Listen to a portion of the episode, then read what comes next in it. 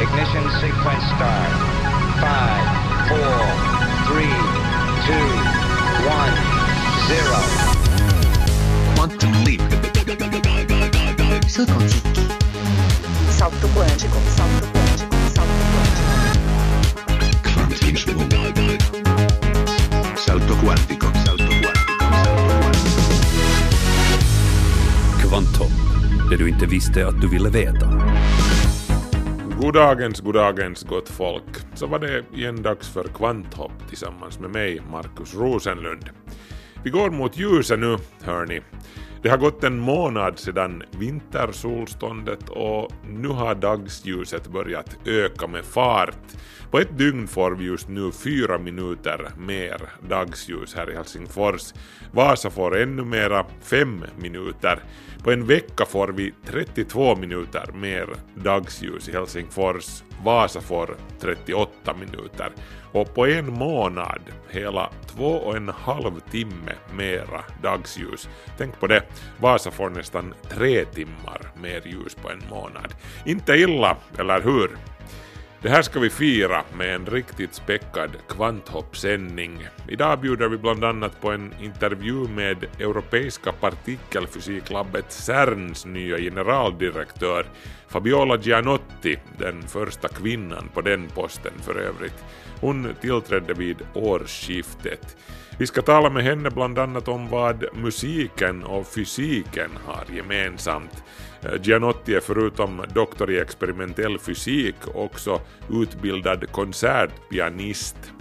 Och så ska vi tala om det här med hur vetenskapen borde förhålla sig till att det alltid finns de som tar fredliga forskares icke-krigiska resultat och bygger en bomb eller någonting annat destruktivt med hjälp av dem.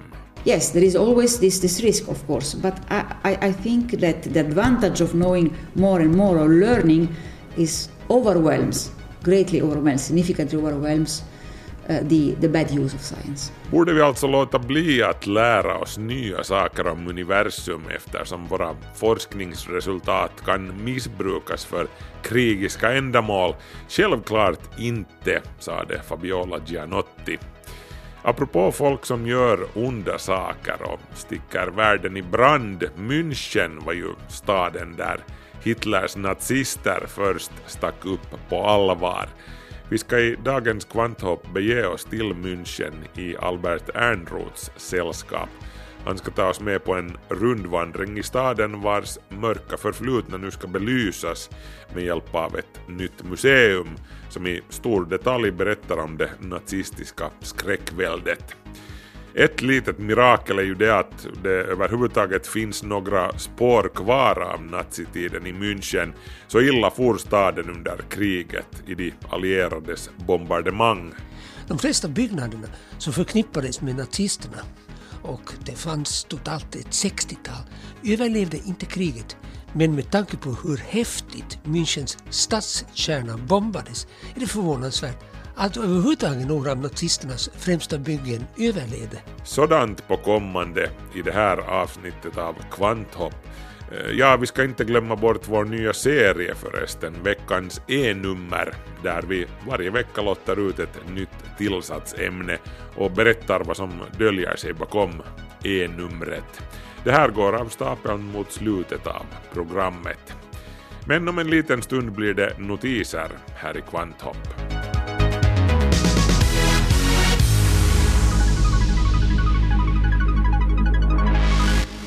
Dags för veckans notiser nu. Den här veckan med Ulrika Fagerström.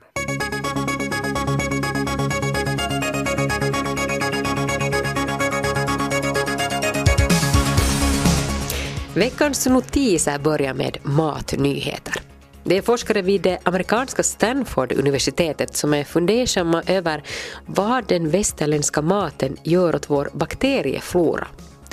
Vi har ju en massa så kallade goda bakterier i våra tarmar som hjälper oss att hålla oss friska i och med att de här bakterierna angriper för oss skadliga bakterier. Men för att de goda bakterierna ska hållas på gott humör och skydda oss mot sjukdomar så behöver de en viss mängd fibrer.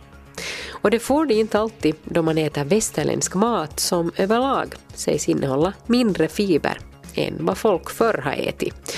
Och det kan leda till att vissa av de här goda bakterierna försvinner och för flera generationer. Det visar nämligen nygjorda tester på möss. Forskarna satte laboratoriemöss på olika menyer och märkte att de som fick växtfiber de bibehöll en flora av goda bakterier. Medan de som fick livsmedel som helt saknade växtfiber, de förlorade bakterierna. Vissa goda bakterier kom aldrig tillbaka fast mössen till och med började få växtfiber i maten igen. Och i vissa fall så gick den här bakterieflorebristen vidare till följande generations möss. På basen av de här resultaten funderar forskarna nu om den västerländska maten hotar att göra samma sak med oss människor. För lite växtfiber får kanske de goda bakterierna att själv dö, vilket har konsekvenser för vårt immunförsvar. Samtidigt visar en annan nyhet, och nu handlar det specifikt om den svenska maten, att folk idag äter bättre än forna tiders kungar. Vardagsmaten har förändrats massor på 800 år, visar forskning vid Stockholms universitet. Rätterna idag är mer komplicerade och innehåller fler ingredienser. Också en mängd nya tekniker att tillreda maten har tillkommit på 800 år. Nå, det är nu kanske inte så förvånande om vi nu tänker att människan under den här tiden också har utvecklat elektricitet, kylskåp och en mängd tekniska köksredskap. Men kontentan är i alla fall att det svenskarna äter idag, en helt vanlig torsdag, det är mer avancerat än det kung och adel åt på 1300-talet. Kanske en liten tröst för en husmor eller far som suckar över sina tillkortakommanden i köksregionerna. Det är antagligen mycket bättre än många har ätit genom historien. Det är alltid bra att få lite perspektiv. Och så rymdfrågor. Det privata företaget SpaceX lyckades förra veckan få upp sin rymdraket Falcon 9. Men återgången till jorden den här veckan gick inte så bra. Efter landningen på en flytande plattform i Stilla havet så vek sig ett raketben och raketen föll och exploderade. Fast trots den aktuella malören så gråter inte de inblandade. De tror nämligen att det är bara en tidsfråga innan hela processen kommer att lyckas. Motsvarande raket lyckades landa på fast mark för en tid sedan, så den rörliga plattformen var en ny utmaning. Målet är att lyckas landa raketen så att man i framtiden kan återanvända den, vilket sparar en massa pengar i rymdsammanhang. Har du någonsin hört om uttrycket medborgarforskning? Ja, det är lite som crowdsourcing helt enkelt, att mängder av människor bidrar med information. Men i det här fallet så handlar det om vetenskapliga forskningsprojekt. Det är forskare vid Göteborgs universitet som har kartlagt fenomenet, det vill säga hur vanligt det har börjat bli med vetenskaplig forskning som mängder av vanliga människor bidrar till. Fenomenet är i och för sig inte nytt. Sedan början av 1900-talet har allmänheten bidragit med observationer om djur och växter. Men på sistone så har fenomenet kommit in i flera olika vetenskapliga inriktningar, konstaterar forskarna. Till exempel astronomi är ett nytt område, där forskare dragit nytta av allmänhetens klassificeringar av galaxbilder, sägs det. Ett område där medborgarforskning ännu inte slagit igenom är den medicinska forskningen. Men det kommer säkert att ändra i framtiden, tror forskarna vid Göteborgs universitet. Åh, det knastrande ljudet av en brinnande eld. Visst är det skönt. Och ännu skönare är det ju att sitta framför elden helt live och njuta av de vackra formationerna och känna den mjuka värmen. Faktiskt så har forskare undersökt det här, att vi mår bra av att sitta och titta på en eld. Det får blodtrycket att sjunka. Och till och med fungerar det att titta på en fejkad videoeld med ljudeffekter av knastrande. Också då sjunker blodtrycket. Och ju längre man tittar, desto mer sjunker trycket. Det vill säga att titta på en brasa, det minskar stress. Forskare vid universitetet i Alabama i USA som kom med de här resultaten för en tid sedan konstaterar samtidigt att då elden aktivt togs i bruk för ett par miljoner år sedan så innebar det en enorm förändring. Människan kunde tillreda mat, fick värme och trygghet och kunde vara igång senare om kvällarna. Allt det här främjade hjärnans utveckling. Och dessutom förbättrades sömnkvaliteten. Man tror att mängden REM-sömn ökade på grund av den värme och den trygghet eldanvändningen medförde. Så kanske är det en bra idé att installera en brasa som skärmsläckare på jobbdatorn. Eller varför inte ha en sån video rullande i telefonen eller på läsplattan mellan varven.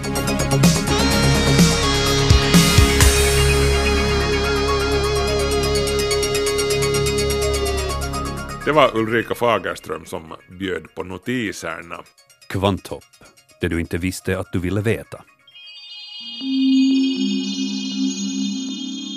Hon har skrivit mer än 500 vetenskapliga uppsatser och artiklar för världens ledande vetenskapliga publikationer. Tidningen The Guardian utnämnde henne 2011 till en av de 100 mest inspirerande kvinnorna i världen. Time Magazine rankade henne som femte på sin lista över årets personligheter 2012. Forbes Magazine utnämnde henne till en av de 100 mest inflytelserika kvinnorna 2013 och Foreign Policy Magazine tog med henne på sin lista över ledande globala tänkare 2013. Hon är utbildad konsertpianist och har doktorerat i experimentell fysik vid universitetet i Milano. Ja, den här listan skulle lätt kunna bli väldigt tråkig för den bara fortsätter och fortsätter nämligen. Ehm, Europeiska partikelfysiklabbet CERNs nya generaldirektör sedan den 1 januari 2016, Fabiola Gianotti, född 1962, är en kvinna med en CV som imponerar, om vi säger så. Eh, borde jag kanske ännu nämna att då CERN den 4 juli 2012 meddelade att deras Atlas-experiment hade hittat den jäckande Higgs-bosonen, partikeln som ger all materia sin massa, eh, då var det Fabiola Gianotti som kungjorde det inför hela den samlade världspressen. Hon var ju trots allt chef för Atlas-experimentet. Vi ska låta Gianotti själv tala alldeles strax, men först ska vi låta Paula Eerola, chefen för forskningsinstitutet för fysik i Helsingfors och ledare för Finlands CERN-samarbete, eh, säga vad hon tycker om CERNs nya generaldirektör. Jag känner Fabiola eh, ganska väl för att vi jobbade tillsammans eh, på 90-talet på samma experiment. Så att eh, hon är ju oerhört eh, kompetent och, skicklig och hon har gjort eh, vissa liksom, organisatoriska förändringar som varje ny generaldirektör brukar göra i sin organisation. Så att, och, och, och, men så att jag, jag tror att det kommer att gå utmärkt och, och hon har ju en väldigt bra översikt av, av den liksom, fysiken och, och, och hur CERN, vad vi producerar på CERN och också och hon är ju liksom väldigt bra på, hur ska man säga, utrikespolitiskt sätt. Så att, eh, för att eh, det som sen generaldirektör eh, är det ju en stor del också att, att förhandla med, diskutera med medlemsstaterna och, och hålla bra kontakter till, till, till dess. Fabiola Gianotti besökte Helsingfors före årsskiftet och jag fick då tillfället att ställa några frågor till henne. Faktum är att jag var den enda journalisten som överhuvudtaget ställde några frågor på presskonferensen efter seminariet där hon talade på Fysikum i Gumtäkt. Ehm, Hesari, Husis, Maikkari, ingen av de stora grabbarna och tjejerna hade ens bemödat sig att dyka upp, vilket var lite förvånande, tyckte jag. Nå, eftersom seminariets rubrik var Kvinnor i vetenskapen så måste jag ju fråga att varför är det fortfarande så här att det finns två kategorier av forskare? Eh, forskare och kvinnliga forskare. Lite på samma sätt som det finns idrottare och kvinnoidrottare. Bra fråga, sade Gianotti, men det här håller nog sakta men säkert på att förändras. I would like to, to bring one example in our in our field. So in our field, the leaders of experiments are called spokesperson, not because they are. It's not a public relation work; it's a really scientific work. But in our field, um, the word leader is not very nice. So uh, we usually have, the leader is the person who, in some sense, represent the collaboration. In the past, spokesperson were only men, and so Inom CERN så finns det alltså olika experiment. Atlas, CMS och de andra som har sina enorma detektorer vid den 27 kilometer stora partikelacceleratorn LHC. Eh, cheferna för de olika experimenten tituleras spokesperson, alltså talesperson, inte talesman eller taleskvinna. Och då är de alltså inte PR-ansvariga utan basar helt konkret för det vetenskapliga arbetet. Från början kallades de talesmän, men sedan när kvinnorna sakta men säkert arbetade sig uppåt i CERN-hierarkin och blev talesmän de också, så märkte man att det helt enkelt lät bättre med en talesperson istället för en talesman. Och numera är det ingen som ens tänker på det här längre. Alla har accepterat det. And now spokesperson is fully accepted. So even if there is if it is a man, it's called a spokesperson, not spokesman. So this indicates that things, even at the level of language, as you were mentioning before, are changing. Jämställdheten börjar från språket och sedan sprider den sig till tänkandet, sakta men säkert, menar Fabiola Gianotti som tror att vi med tiden kommer att sluta upp med att dela in vetenskapen i forskare och kvinnliga forskare. En annan uppdelning som vi tycker om att göra är kultur och vetenskap, humanister och naturvetare. Också den här indelningen är konstgjord och saknar grund i verkligheten, menar Gianotti som alltså har en solid humanistisk utbildning. Hon är alltså konsertpianist utbildad vid konservatoriet i Milano. Det här var alltså före hon sadlade om och blev fysiker. Eh, hur som helst, vetenskapen och musiken till exempel, de har otroligt mycket gemensamt, säger Gianotti.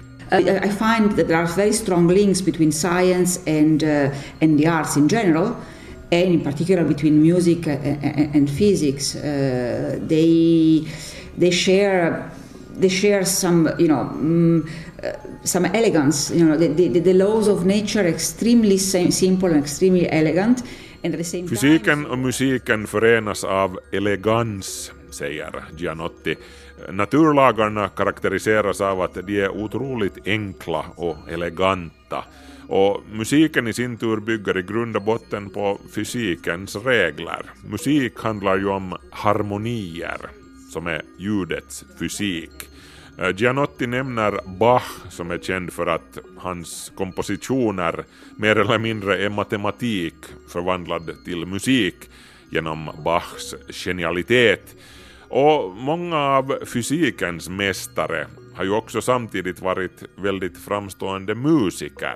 and this is the reason why many many great scientists uh, much much orders of magnitude greater than, than me like einstein are are also were, were also are also um, great uh, musicians um, violinists or other Gianotti nämner som exempel Albert Einstein som ju var en väldigt begåvad violinist.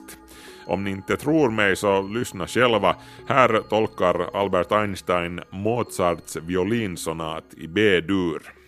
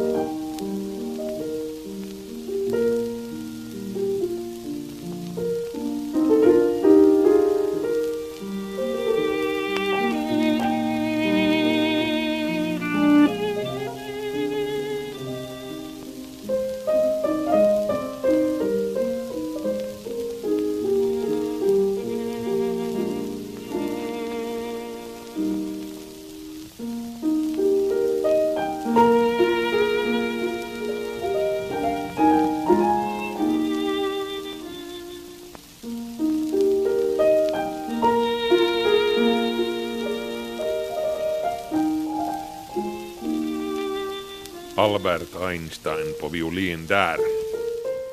Men tillbaka till vetenskapen. Fabiola Gianotti förverkligade alltså en av sina drömmar 2012 då hon berättade för världen att Higgsbosonen var upptäckt efter alla dessa årtionden av letande.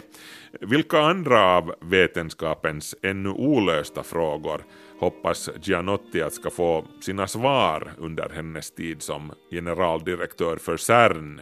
I think will be extremely exciting will be to be able to make progress in our understanding of the universe, so this 95% dark, dark uh, universe. In particular, uh, what the Large Hadron Collider could do um, is to um, uh, discover the particle that um, is responsible for dark matter. If this particle is a um, heavy particle with some kind of some type of interactions. Vi lever i ett universum som till 95 procent är fullständigt okänt för oss. Mörkt, helt enkelt. 70 procent mörk energi och 25 procent mörk materia. Det är universum. Vi kan se och känna på bara 5 procent av det hela. Gianotti säger att hennes förhoppning är att CERN med hjälp av sin jättekolliderare LHC, Large Hadron Collider, under de kommande åren ska lyckas hitta och identifiera den här partikeln som den mörka materian bygger på. Det skulle öka vår kunskap om universum från 5% till 30 vilket skulle vara ett helt enormt steg framåt, menar Gianotti. So our understanding of the universe would improve from 5% to 30%. This is quite a, quite a big step. But of course, it's in the hands of nature. We don't know if, uh, if that particle is accessible at the energy that we are going to uh, operate or, uh, you know, what is uh, its, what are his, its interactions. So we don't know. Ja, Gianotti säger alltså att hon naturligtvis inte kan lova att den mörka materian ens är möjlig att upptäcka med de energinivåer som LHC jobbar på, men det återstår att se. Fabiola Gianotti tillträdde alltså som generaldirektör för CERN vid årsskiftet. Hennes mandat löper ut efter fem år. Var ser hon sig själv då, om fem år när hennes jobb är gjort? Vacation, holiday. sure. no, jokes aside, you know, uh, we are scientists, so. Um, uh, so for us, what I like is actually research. Uh, so uh, I'm called now to take a role which is more a role of um, direction, of um, managerial role. I still hope that I will be able to do research in a different way, not with my hands, but by uh, participating to, you know, to, to, to, to, to the strategy or to the future of our discipline. But then, in five years, when my term will be over, I will go back to do what I was doing before. Om fem år ser jag mig själv uh, på semester, säger Gianotti. Men skämt åsido fortsätter hon, jag är i grund och botten en forskare och det är det jag vill göra, forska. De kommande fem åren kommer nog rätt långt att handla om administration, menar Gianotti, men hon säger att hon nog också kommer att fortsätta med forskningen under den här tiden, även om det främst handlar om att utforma strategier för själva forskningen. Men sedan när de fem åren är slut, då vill hon definitivt återvända till laboratoriet. I, I like research. I like. I'm a physicist, so for me, doing research myself is the most uh, the most attractive things. Till slut måste jag ännu fråga om hur Fabiola Gianotti ser på det här med hur vetenskapen, också då den är helt och hållet fredlig till sin natur i stil med det som man gör på CERN, hur den borde förhålla sig till det beklagliga faktum att det finns så många människor som vill ta vetenskapens resultat och använda dem till negativa och destruktiva ändamål. Ta nu Albert Einstein, han var en övertygad pacifist men ändå bidrog han genom sitt arbete indirekt till atombomberna som raderade Hiroshima och Nagasaki från kartan. Ehm, CERNs forskning är alltså till sin natur fullständigt fredlig och får enligt organisationens stadgar från 1954 inte utnyttjas för krigiska ändamål. Men till och med Gianotti måste medge att ingen kan garantera att så inte sker. Är det då en orsak till att låta bli att forska? Absolut inte, säger hon. The fact that some people one day could use the results of science in a bad way should not stop us from advancing knowledge because if you just say okay let's stop let's stop learning let's stop progressing because one day someone a crazy guy could you know could trigger a war. Yes there is always this this risk of course but I, I, I think that the advantage of knowing more and more or learning is overwhelms greatly overwhelms significantly overwhelms uh, the, the bad use of science. Fabiola Gianotti sa det alltså att risken alltid finns för att någon tar våra fredliga resultat och använder dem för ett destruktivt ändamål. Men jag är övertygad om att fördelarna är betydligt större än riskerna. Så alltså Fabiola Gianotti, nyligen tillträdd generaldirektör för Europeiska partikelfysiklabbet CERN. Och jag tänkte att vi skulle kunna fortsätta att lyssna lite på Albert Einstein som tolkar Mozart. Medger nu att nu kunde han sin sak också som violinist.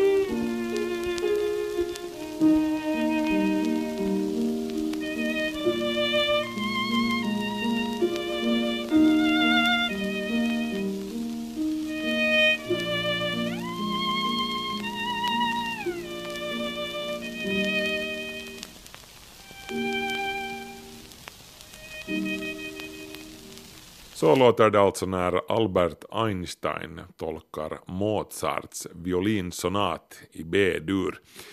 Nu ska vi bege oss till München i Tyskland tillsammans med Albert Ernroth.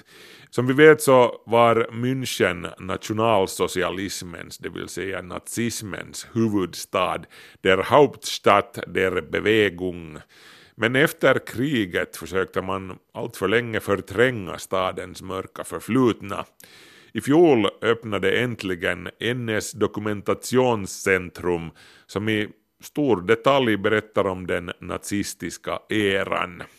Albert Ernroth har gjort en stadsvandring som inte bara pekar ut nazisternas byggnader och mötesplatser utan också hedrar hjältarna som vågade göra motstånd mot förbrytarna.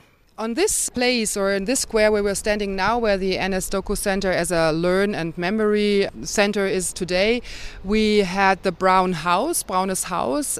This was um, also one of the buildings of the party um, during the Second World War. Deputy um, Rudolf Hess was here, and um, also Adolf Hitler used this house. Jag befinner mig i München invid Königsplatz och jag står här med Angelica Domes Kassel utanför NS dokumentationscentrum. och det kallas skolmästaraktigt för ett lär och minnescentrum men det är helt enkelt ett museum över Münchens naziförflutna. Angelica är en av stadens officiella guider och hon får berätta var Hitlers och partiets maktcentrum befann sig. De flesta byggnaderna som förknippades med nazisterna och det fanns totalt ett 60-tal, överlevde inte kriget. Men med tanke på hur häftigt Münchens stadskärna bombades är det förvånansvärt att överhuvudtaget några av nazisternas främsta byggen överlevde. NS dokumentationscentrum däremot är en stor, modern, arkitektoniskt rätt så anspråkslös vit kub Hela fyra våningar ägnas åt mängder av textmaterial, historiska filmer, skämtteckningar, kartor, foton och man uppmärksammar även hotet av dagens högerextremister. Men det mest upprörande materialet sträcker sig från första världskriget till den 30 april 1945 on the 30th of April 1945, the um, American soldiers uh, freed Munich, um, and so the um, Second World War ended here in Munich. I början av detta sekel pågick det energiska debatter, bland annat om finansieringen av museet och vad det egentligen skulle innehålla. Många Münchenbor och politiker, framförallt från konservativa CSU-partiet, ville helst bara förtränga allt det där med koncentrationsläger och nazisternas förbrytelser. Men den 30 april, exakt 70 år efter att München befriades av amerikanska soldater, kunde NS dokumentationscentrum äntligen slå upp portarna på samma plats där en gång i tiderna Braunes Haus, det bruna huset, hade stått. Under hela 30-talet fram till krigsslutet, då det en gång i tiderna stiliga townhouset totalförstördes, tjänade det bruna huset som det nationalsocialistiska partiets huvudkvarter. Här hade alla de ökända nazipamparna ett eget kontorrum. Göring, Himmler och Rudolf Hess. Ja, det var här som Hitler hängde det stora porträttet av den amerikanska biltillverkaren Henry Ford som inte bara beundrade honom utan även finansiellt understödde fyren Next door is the former Führerhaus. Um, it was built by Paul Ludwig Trost. Um, he was responsible for cruise ships. Um, there we can see how wide it is, how big it is, how powerful this uh, building is. And uh, this is also called the Nazi architecture. It was not destroyed uh, during the Second World War. Also, um, on the opposite side, we see the administration building, which was also not um, destroyed because there were camouflage nets around uh, during the war. Medan vi står och talar hörs ett piano klinga från dokumentationscentrets grannhus och det visar sig att före detta Führerbau idag är en musik och teaterhögskola. Det var i denna byggnad som Hitler tog emot officiella statsgäster och här undertecknade i september 1938 Storbritanniens premiärminister Neville Chamberlain, Frankrikes Daladier och Mussolini en överenskommelse som gav Hitler rätt att tåga in i Sudetenland. Führerbau och Nationalsocialistiska partiets administrationsbyggnad på andra sidan av gatan bombskadades inte, förmodligen för att de skyddades av kamouflagenät. Och därför förstördes Hitlers arbetsrum i Führerbau inte. Hakkors och Nazi-Tysklands riksörn har naturligtvis avlägsnats men i övrigt har det stora utrymmet bibehållits som det var på Hitlers tid. This is one original room used uh, not uh, for the university, so this room is closed. Um, this is the um, yeah the former office of Adolf Hitler, but um, you can see inside um, the yeah original uh, chair, the original office table, um, paintings and things like that. But um, this is not used by the public and not used by the students. Angelica berättar att Hitlers välbevarade arbetsrum är stängt för både studenter och allmänheten och visas bara upp för experter och folk med de rätta kontakterna. Jag gillar inte den här formen av hemlighetsmakeri. Det är fel och jag anser att det visar att en del tyskar fortfarande har svårt att förlika sig med landets mörka förflutna. Between the uh, former Führerbau and also the administration building on the other uh, side of the street, there was a tunnel in the underground under the streets. And um, so in the cellars, they had um, all the uh, arts, um, the degenerated arts, and they collected it uh, downstairs. So this was uh, the house of the military government of the US Army. After the Second World War, they found the arts then down in the cellar. Det går en tunnel under gatan mellan Fyrabau och partiets administrativa byggnad. Där upptäckte de allierade i källarutrymmen tusentals entartade urartade konstverk som nazisterna hade beslagtagit och klassat som dålig konst men lyckligtvis inte hade bränt upp. Vi står på korsningen, Arsisstrasse, Briennerstrasse. Från Führabaus balkong hade Hitler en fin utsikt mot Königsplatz där nationalsocialisterna redan på 20-talet höll massmöten och efter maktövertagandet anordnade parader och 1933 även ett uppmärksammat bokbål. Today you can see the green grass here, but during the um, Nazi regime time this was paved by granite slabs. were- byggnader anlades under första halvan av 1800-talet. Kung Ludvig den förstes arkitekt lät sig inspireras av Akropolis tempelområde. Framför propylen, den klassiska porten som ger tillgång till praktmuseerna Glyptotek och Antikensamlingen, ja, där valde Hitler att hålla sina tal. Fyren ansåg att Königsplatz var det ceremoniella navet för den nationalsocialistiska rörelsen. From here you can also see very good where the temples of honor were standing here, right and left. Torget var ett slags kultplats. Nazisterna reste två ärotemplen med hedersgravar. De allierade rev det hela, men grunden syns ännu. Platsens stora gräsytor täcktes av nazisterna med tiotusentals granitplattor så de kunde marschera. Men på 80-talet återställdes gräsmattorna. Yeah. Adolf Hitler used this atmosphere here then with his flags, with his stage in front of the propylen then for the big speech uh, talking to his soldiers. Under turen märker jag att jag blir lite alltför begeistrad av Hitlers megalomani. Och det är naturligtvis de modiga hjältarna, motståndsrörelsens män och kvinnor vi ska hedra.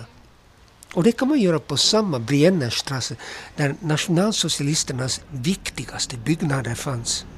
Street is then also the street uh, where Adolf Hitler had all his party buildings, yeah. And here on the corner, we can see then the Wittelsbach uh, Palais.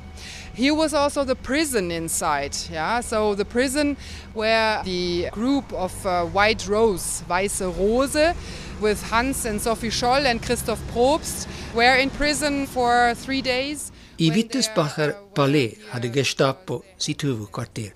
Byggnaden har ersatts av Bayerische Landesbanks moderna kontor men i ett skyltfönster syns en modell av palatset. Det var här den hemliga polisen torterade Georg Elser som 1939 försökte spränga Hitler i luften och även motståndsrörelsen Die Weiße Roses medlemmar. Mitt emot Gestapos huvudkvarter finns en plats tillägnad nationalsocialismens offer med bänkar, monument och en evig eld. The first years of the war, Munich was not so destroyed, but then in 1943, winter time, it was more and more damaged, and also the resistance group um, White Rose was calling up for resistance and also for capitulation of Munich and Germany. Syskonen Scholl hade som tonåringar varit Hitler-anhängare. Men Sophie Scholl fick av sin pojkvän som tjänade på östfronten höra om tyskarnas svåra förluster. Sophie insåg att Hitler höll på att förlora kriget och ville att Tyskland kapitulerade. Hon bildade därför motståndsrörelsen Die Weiße Rose tillsammans med sin äldre bror Hans och ett antal studenter på Ludwig Maximilian universitetet.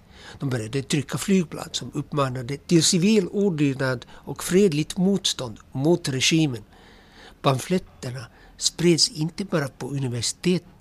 Där gruppens medlemmar studerade utan även på offentliga platser. This is here our Italian street. We can see all the buildings right and left. These are the buildings from the University of Munich, of one of the universities. This is Ludwig Maximilian University. And this is also the university where the resistance group um, Weiße Rose, White Rose, uh, distributed their flyers then. So there's also the main entrance a little bit um, left at the end of the street um, in front of the Victory Gate. Angelica Domes Kassel.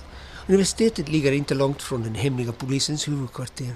De Weiße Rose hann under en åtta månaders period sprida sex olika flygblad. Men den 18 februari 1943 tog syskonen Scholl och Christian Probst på bar gärning av Gestapo och avrättades några dagar senare med giljotin. De här guidade turerna om Münchens naziförflutna kan verka smaklösa just för att man kan bli så fascinerad av Hitlers storhetsvansinne. Men det är viktigt att tyskarna inte förtränger det mörka kapitlet och med jämna mellanrum blir påminda om tiden då München, tråkigt nog för det är en härlig stad, var Hauptstadt der Bewegung, alltså nationalsocialismens huvudstad.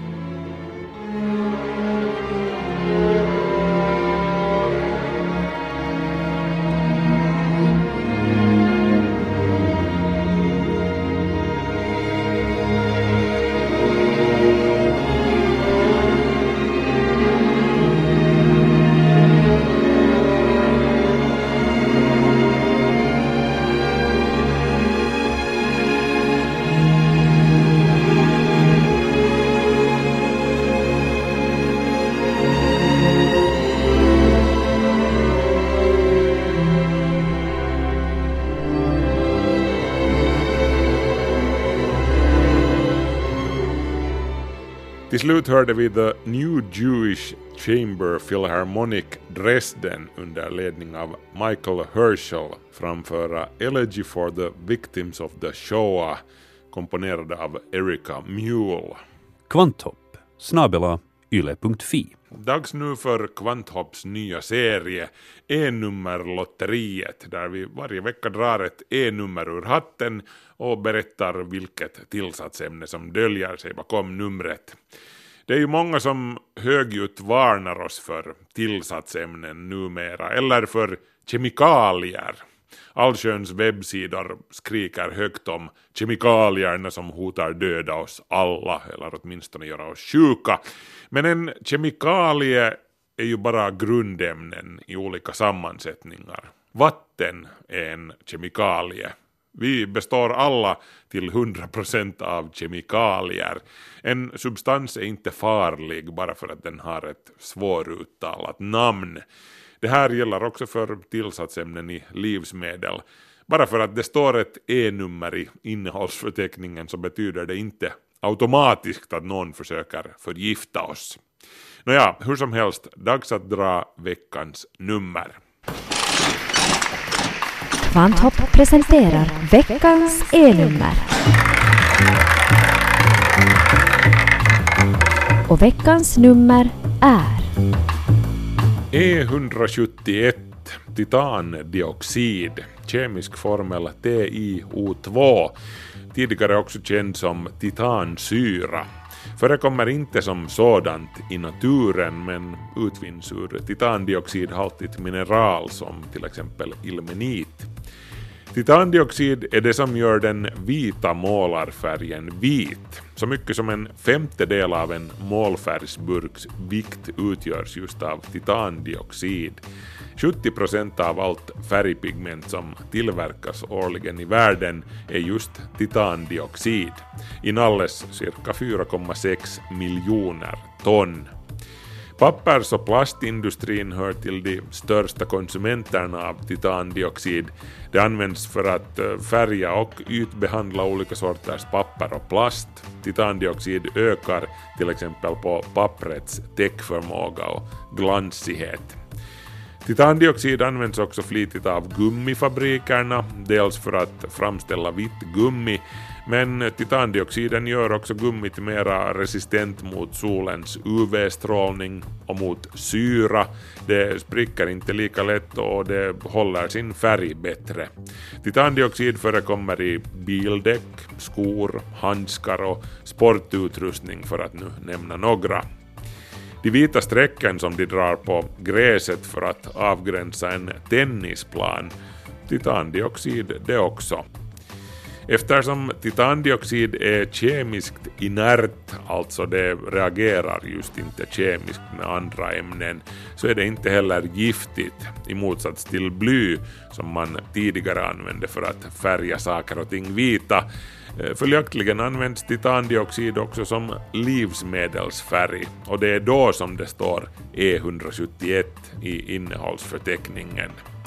Din vita tandkräm är också vit just tack vare titandioxid. Av samma orsak används det också i kosmetika och läkemedel. Är ett piller vitt så beror det just på titandioxid. Sedan används titandioxid också i solkrämer, inte bara för att göra krämen vit, utan för att titandioxid har ett väldigt högt så kallat brytningsindex. Det reflekterar alltså solljus väldigt bra, men framförallt så blockerar det ultraviolett ljus. Och då talar vi alltså främst om titandioxid i nanopartikelstorlek som används i solkrämerna tillsammans med partiklar av zinkoxid. Det här absorberas alltså lättare av huden.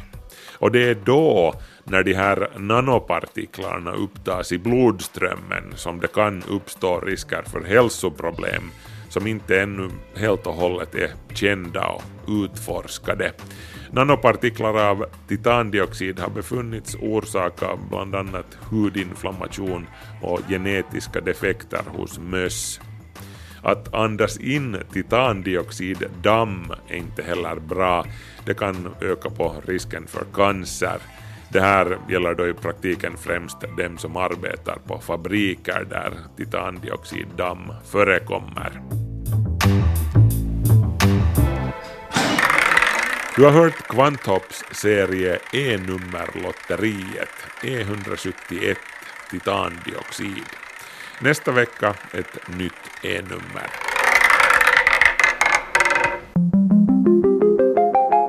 Tack ska ni ha igen för visat intresse. Kvanthopp är slut för den här veckan. Kom ihåg att hälsa på på vår Facebook-sida om ni får tråkigt.